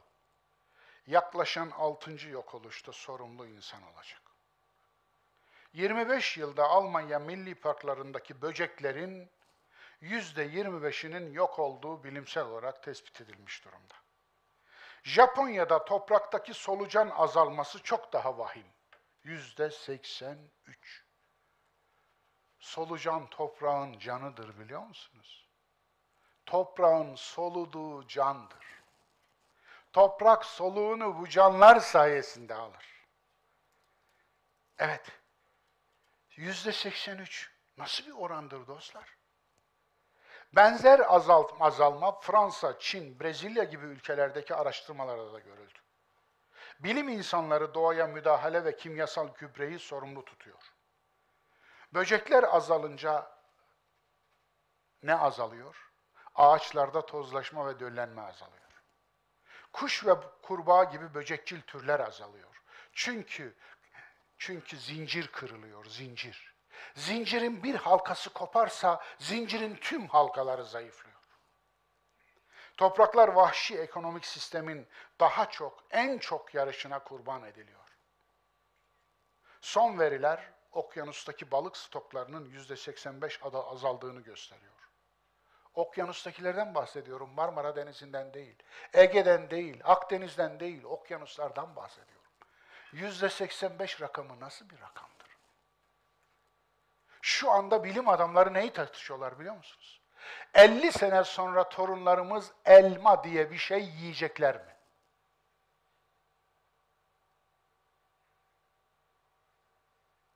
Ama bize 50 sene evvel veya dedeme 50 sene evvel siz dönüp de Ey işte hacı dede, hacı baba biliyor musun bir gün gelecek okyanuslar kirlenecek deseydiniz dalga mı geçiyorsun evladım sen benimle derdi değil mi? Hatta hatta şu su var ya şu su parayla satılacak yarım litresine bir ekmek parası vereceksiniz deseler güldürme beni derdi değil mi? Neler neler neler söylesek neler neler derdi. Ama oldu bakın. Marmara ölecek ve kan kusacak, müsilaj kusacak derse inanır mıydı? Şu Marmara'da balık kalmayacak dese inanır mıydı? İnanmazdı. Bırak dedeyi, benim kayınpederim Marmara'da, Dalyanlar'da, efendim o şeyde bildiğiniz harem ve haremden kız e, efendim e, şeyine, kulesine gelince o arada bir sürü dalyan varmış. Teker teker ben gezdirdim, o da şurada vardı, şurada vardı, şurada, burada doğalık tutardık, şurada lüfer tutardık, şurada şunu tutardık, burada bunu tutardık. Hadi buyurun. Hadi buyurun. Evet, sebep daha çok, en çok zihniyetinin eseri olan aşırı avlanma ve tekessür krizi. Bir soru, 50 yıl sonra torunlarımız elma yiyecek mi? Denizler her saniye 6 atom bombası atmış gibi ısınıyormuş. Ne diyorsunuz? Deniz canlıları karaya göre iki kat hızlı yok oluyormuş. İnsanlık tarihinde eşi görülmemiş bir biyoçeşitlilik kıyameti yaşanıyormuş. Güçlük, güç, güçlü fırtınaların sayısı eskisine göre iki kat arttı. İklimin farkında mısınız? İklimin anormalliğinin. Orman yangınları neydi? Yazı unuttunuz mu yazı? Yazı unuttunuz mu? Türkiye, Yunanistan, İtalya ve devamı. İspanya'ya kadar. Evet. Güçlü fırtınaların etki, evet, tekessür krizi ölümcül sıcak hava dalgalarını beraberinde getiriyor. Yazı bahar gibi geçen kuzey bölgelerinde sıcaklık rekorları kırılıyor. Çok ilginç. Avrupa'da bir yılda sıcaktan ölen insan sayısı 70 bin. Ne diyorsunuz? Gerçekten hayret verici. Geçen yaz Türkiye başta Akdeniz ülkeleri olmak eşsiz orman yangınlarına sahne oldu. 2020'de Avustralya'da çıkan yangınlarda 1 milyarı aşkın memeli hayvan öldü. 1 milyarı aşkın. Şaka gibi ya. Sıcaklıktaki 3-4 derecelik artış deniz seviyesinde deniz seviyesinde 1-2 metre yükseliş demek. Buzulların erimesinden dolayı.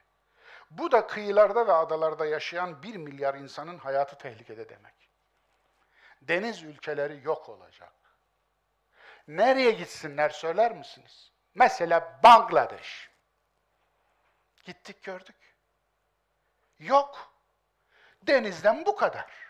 Taş yok. Taş yok. Yolu neyle yapıyorlar biliyor musunuz? Toprağı önce tuğla yapıyorlar. Tuğlayı pişiriyorlar. Pişirdikleri tuğlayı kırıyorlar. Onunla yol yapıyorlar. Allah'ın taşı nimet miymiş ya? Ben orada gördüm. Dolayısıyla her bir derecelik artık tahıl hasadında yüzde on düşüşe tekabül ediyor. Yani her bir derecelik artış, havadaki sıcaklık artışı, tahıl hasadında yüzde onluk düşüş. Hayatın olağan akışının sekteye uğraması kitle göçlerini tetikliyor. Faşizan yönetimlere gün doğuyor ve güçlünün borusu ötüyor. Zengin daha zengin, fakir daha fakir oluyor. Otoriter yönetimler fırsattan istifade insanları kutuplaştırıyor. Gelir dağılımı uçurumu artıyor. Maun suresi 1400 yıl sonra güncelleniyor. Türkiye'de en zengin yüzde on, gelirin yüzde elli dördünü alıyor. Nasıl okursanız. Her harama fetva bulan hocalar, bu tuğyana var mı bir sözünüz? Bu böyle gidemez. Sistemi değiştirmek zorundayız. Ve bu değişim de bizde başlayacak. Bende, sende başlayacak, evimizde başlayacak, arabamızla başlayacak, tüketimle başlayacak. Tüketim çılgınlığına dur demekle başlayacak. Haz ve tutkuların yerine hayır ve zaruri ihtiyaçları koymak zorundayız dostlar.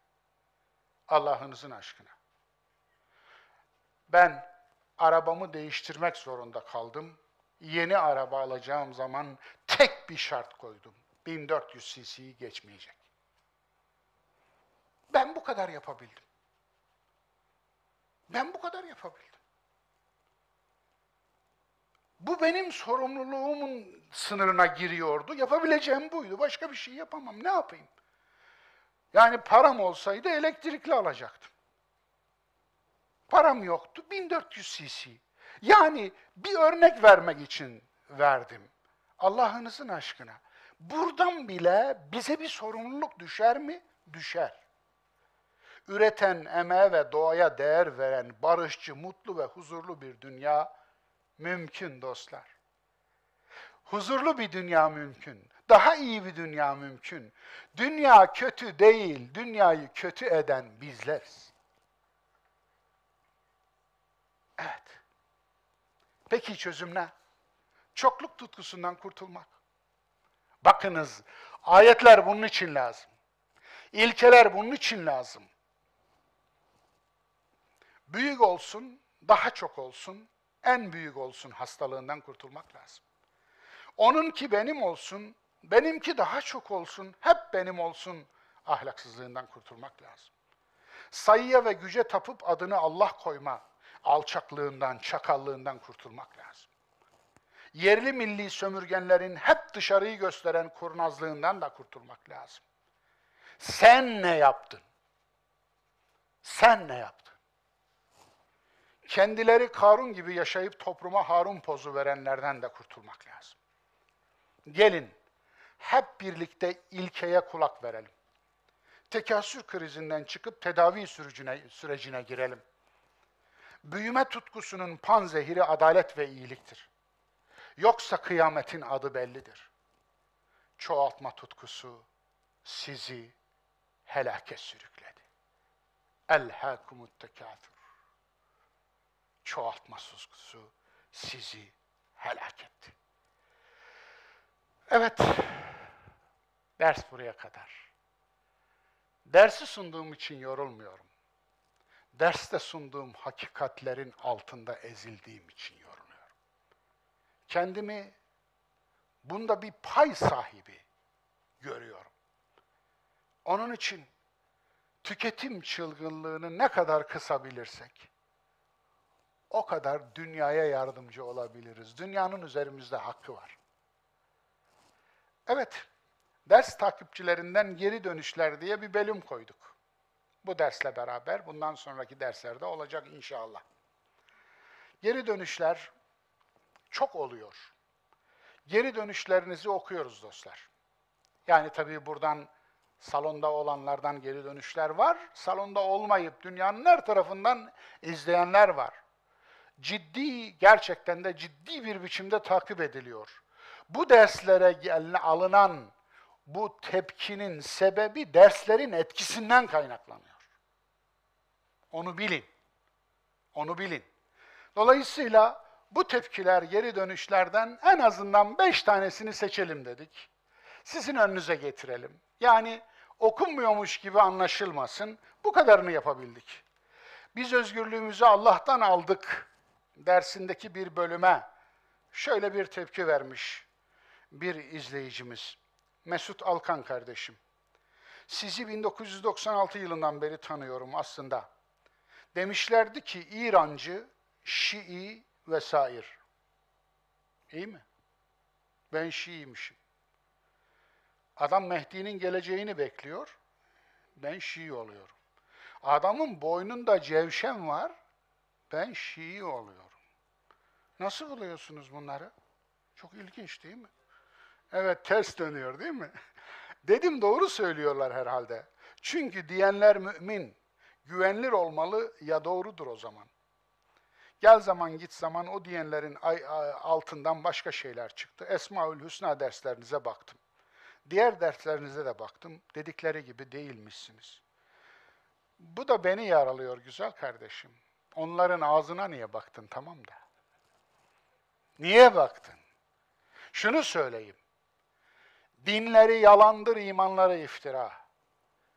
Doğruluğu ispatlanıncaya kadar kural budur. Yalan söylerler. Yalan söylediklerine peşinen inanın. Niye? Yalanı din haline getirip peygamberin ağzına koyan bu insanlar sana bana yalan söylemez mi? Nedir ki o? Evet, bir irfan geleneğine bağlı biri olarak, evet, tasavvuf ehliyim diyor bu arkadaşımız. Dürüstlüğüne bakar mısınız? Ben kişilerin tercihlerinin ne olduğuyla ilgilenmiyorum. Ben sadece vahye göre vahyin mizanında, terazisinde tartıyorum. Siz ister alır ister almazsınız. Onun için her zaman söylemiştim değil mi? Nesimi'nin dirisi deri deri yüzü, deri, derisi diri diri yüzüldü. Hallaç taşlanarak linç edildi, öldürüldü. Ve benzeri birçok olayı. Bunlar tasavvuf ehli insanlardı. Bunların fikirleriyle benim fikrim tam zıt. Fakat bunların kılına dokunulması cinayettir. Fetvalı cinayettir. Bu ayrı bir şey değil mi? Benim gibi düşünmek zorunda değil insan hakkının savunulması için. İnsana haksızlık yapıldığı zaman benim tam tersim inanıyor, tam tersim düşünüyor olmasının hiçbir önemi yok. Ona yapılan zulmü telin ederim. Eyvallah. Devam edeyim. Bir ilfan geleneğine bağlı olarak bazı konularda bazen ipin ucunu kaçırdığınızı düşünsem de ipin ucunu bazen kaçırıyormuşum. Hakikaten bunu ben de düşünüyorum. Haklı arkadaş. E, her zaman tutarlı olamıyoruz. İnsanız. Ben de dersi söyledikten sonra ya şu cümleyi kullanmasaydım diyorum. Ya şunu da koymasaydım diyorum. Siz demiyor musunuz? Hiç hata yapmıyor musunuz? Hata yapmayanı bir göreyim elini öpeceğim. Eyvallah. Biz de yapıyoruz. Eyvallah. Onun için teşekkür ediyorum kardeşime. Kurumsallaşıp leşleşen tarikat unsurları da buna neden. Bunu da demiş işte. Sebep bunun sebebini de anlıyorum demiş. Arada bize düşen değen bu taşlara da eyvallah demiş. Zira gerekli bir insansınız ve Allah'tan sizin için afiyet ve sıhhat dilerim. Sizden çok şey öğrendim. İnsafsızca eleştiren ve en babası kitap taşıyan eşek modundakilerden asla öğrenemeyecek şeyler öğrendim sizden. Teşekkür ederim demiş. Ben de size teşekkür ederim güzel kardeşim.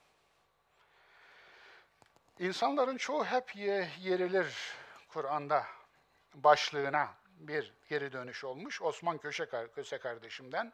İslam'ı evrimle, amino asitle, hor, hormonal etmenlerle, tek hücreden kompleks bir yapıya dönüşüm ile anlatmak denenmemişi denemektir. İnsanoğlu yeni şeyleri sevmez hocam demiş. Haklısın güzel kardeş. Boncuğun ipini kırın başlığına bir geri dönüş olmuş. Seval Bilgiç hanımefendi. Ee, Seval Hanım diyorum ama belki de bey mi demem lazım bilmiyorum. Öyle şey var mı? İsimlerden de şey eder oldum yani. Yani Ümit Ümit çıkıyor önüme. Ümit Bey mi Ümit Hanım mı diyeyim bazen de şaşırıyorum yani. Boncuğun ipini kırdım hocam. Bütün boncuklarımı seccademden kaldırdım.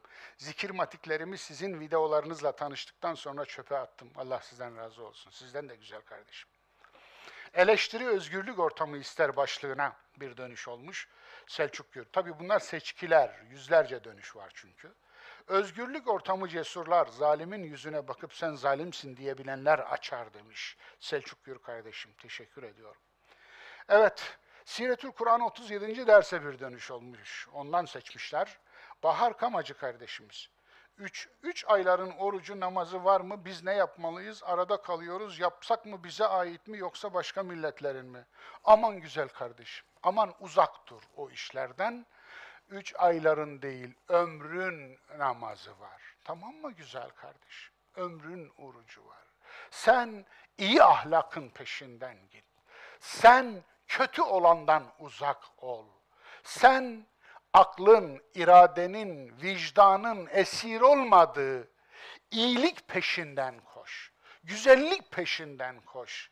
Allah'ın memnun olduğu, kulların memnun olduğu, insanların yüzünün güldüğü, insanların e, alınca, verince, paylaşınca sana minnettar kaldığı şeylerin peşinden koş. Güzel kardeşim. Eyvallah. 12 aylar diyelim biz buna. Değil mi? Ekler. Türbe ziyaret etmek doktora gitmek gibidir diyor.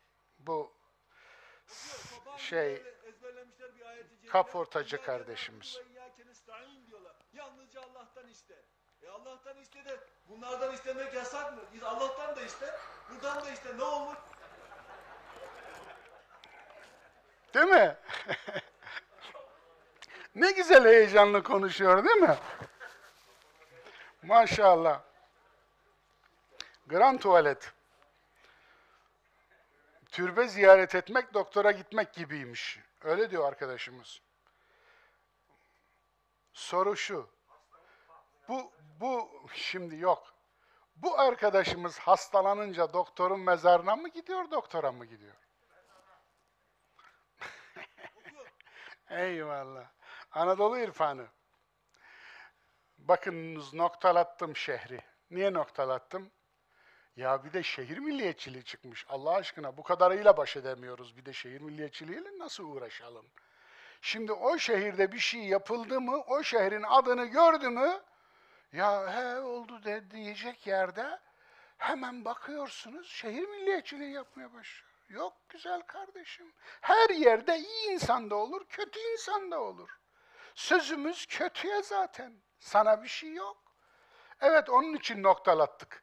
Yolda kalan arkadaşların sığındığı otogar ve tesislerdeki esnafın fiyatları yüzde 25 ila yüzde 50 artırdığına dair birçok mesaj aldım. Söylenecek söz yok. Hiç şaşırmadım. Hiç şaşırmadım. Niye böyle olur? Yine benzer bir şey olmuştu. Deprem olmuştu değil mi? Doğu vilayetlerimizden birinde.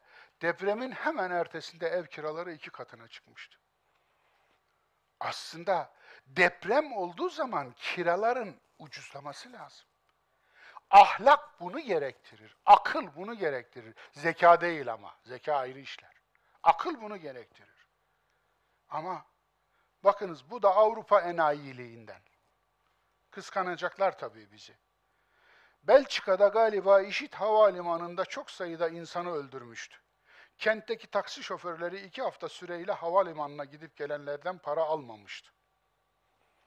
İşte aç gözlü Hristiyan Avrupa da oldu ama İstanbul'da olmadı aynısı. İstanbul'da da yaşandı, Ankara'da da gar katliamı yaşandı. Olmadı. Ne yapmalı bilmem ki. Şimdi bunu söyleyince bir de şu var. Bak, gavuru övdü gavuru. Gavuru övmedim. Gavurdaki Müslümanlığı övdüm. Sendeki gavurluğu yerdim. Var mı bir diyeceğim? Evet. Tavsiye görsel. Bunları tavsiye ediyorum. Yarından sonra, evet, güzel bir e, film. İkisini de izledim. River Blue, efendim. Bu da Mavi Su, Mavi Nehir. Evet, dünyamızın başına ne geliyor? Bu da bir belgesel. Gerçekten harika. Tavsiye ediyorum. Küresel ısınma ve soykırım. Şu manzaraya bakar mısınız? Afrika'da çok ciddi katliam gibi memeli ölümü var dostlar. Beyaz fillerin sayısı artık e, yani sayılıyor böyle. Bu tür yok oluyor. Bir türün yok olması bir ayetin yok olmasıdır. Yılda 3000 tür yok oluyor biliyor musunuz? Ayın tweet'i. Allah'ın sessiz kulları ve insanların vicdansızlığı. Ne diyeyim ben şimdi? Sesi biraz açın demiş. Açıyorum. Ölümün sesi olur mu demeyin. Yazın yük taşıyıp dövülüp bağlanıp kışın beslememek için sokağa atılıyorlar. Yükünü taşımıyorsa bir kap yemek yok. Yükünü taşımıyorsa bir kap yemek yok. Evet, ne diyeyim? Eşek bunlar. Ve dışarı bırakılmış. Bu topraklarda oluyor ve biz bu toprakları paylaşıyoruz be kardeşim. İçimiz acıyor, vallahi içimiz acıyor. Arabasıyla bile isteye köpeğin üstünden geçti. Evet, İstanbul Başakşehir'de bir şahıs arabasını bilinçli olarak yol kenarında oynayan köpeklerin üzerine sürdü. Aracın altında kalan bir köpek feci şekilde can verdi. Şahsın gözaltına alındıktan sonra serbest bırakıldığı belirtildi. Ne diyorsunuz dostlar? Ben anlam veremiyorum. Ben bir bir bir işte anlam veremiyorum. Siz ne diyorsunuz? Buyurun görüntüleri izleyin lütfen.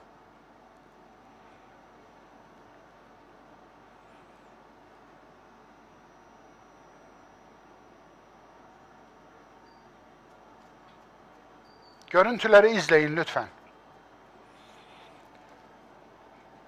Bunun türü, bu şeyin türü nedir? Ölenin türü köpek. Öldüren şeyin türü nedir? Ben bir anlam veremiyorum. Ve biliyor musunuz? Bu efendim çok dindar bir ülkeden bu ülkeye yerleşmiş, sonradan vatandaş olmuş biri çıktı. Çok dindar bir ülkeden. Ne diyeyim şimdi? Hangi dinin dindarısınız siz? Sizin dininiz, sizin imanınız size ne büyük fenalık emrediyor? Bakara 93. Evet. Bu da ilginç. Hani bir köpek vardı. Boji miydi ismi? İstanbul'da böyle belediye otobüslerinde geziyordu. Böyle şirin bir şey. Efendim, bakınız Bu dayı ne yapıyor biliyor musun? O köpeğe pislik çalmak için torbada pislik getirmiş, eliyle otobüs koltuğunun üstüne pislik bırakıyor. Köpeğe iftira operasyonu. Nasıl buldunuz? Yahu sizin elinizden insan kurtulmadı, kadın kurtulmadı, erkek kurtulmadı, Allah, peygamber kurtulmadı, din iman kurtulmadı da köpeğe de mi yapılır ya? Köpeğe de mi iftira edilir? Allah'a ettiniz, peygambere ettiniz, Kur'an'a ettiniz, dine imana ettiniz, bize ettiniz, ettiniz de köpeğe de mi iftira edilir ya? Hadi buyur. Benim kahramanlarım son. Evet, vakti de tam sığdırdık bu sefer. Eyvallah. Sebastian Salgado, Sebastio Salgado ve eşi Leyla. 2001-2019. Bu alanın kapladığı yer ne kadar biliyor musunuz? Güney Afrika kadar, Güney Afrika ülkesinin sınırları kadar bir yeri şu haldeyken şu hale çeviren yiğit bir çift. Buna maşallah denir.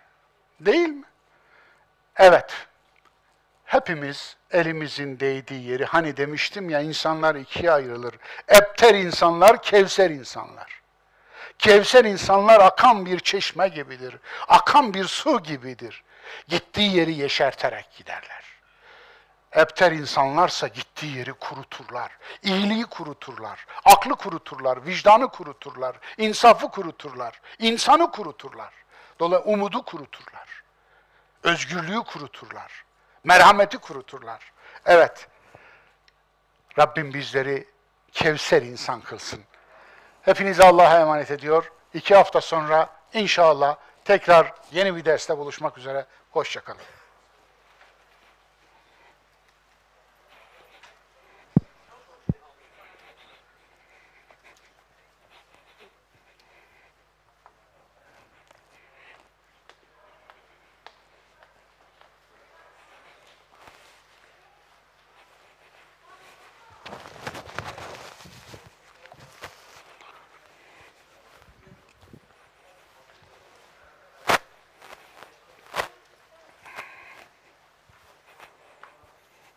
Selamünaleyküm. Bir şey mi? Bir şey mi oldu? Ee, Bir hareket, geliş gidiş falan o güvenlikle ilgili. Allah Allah.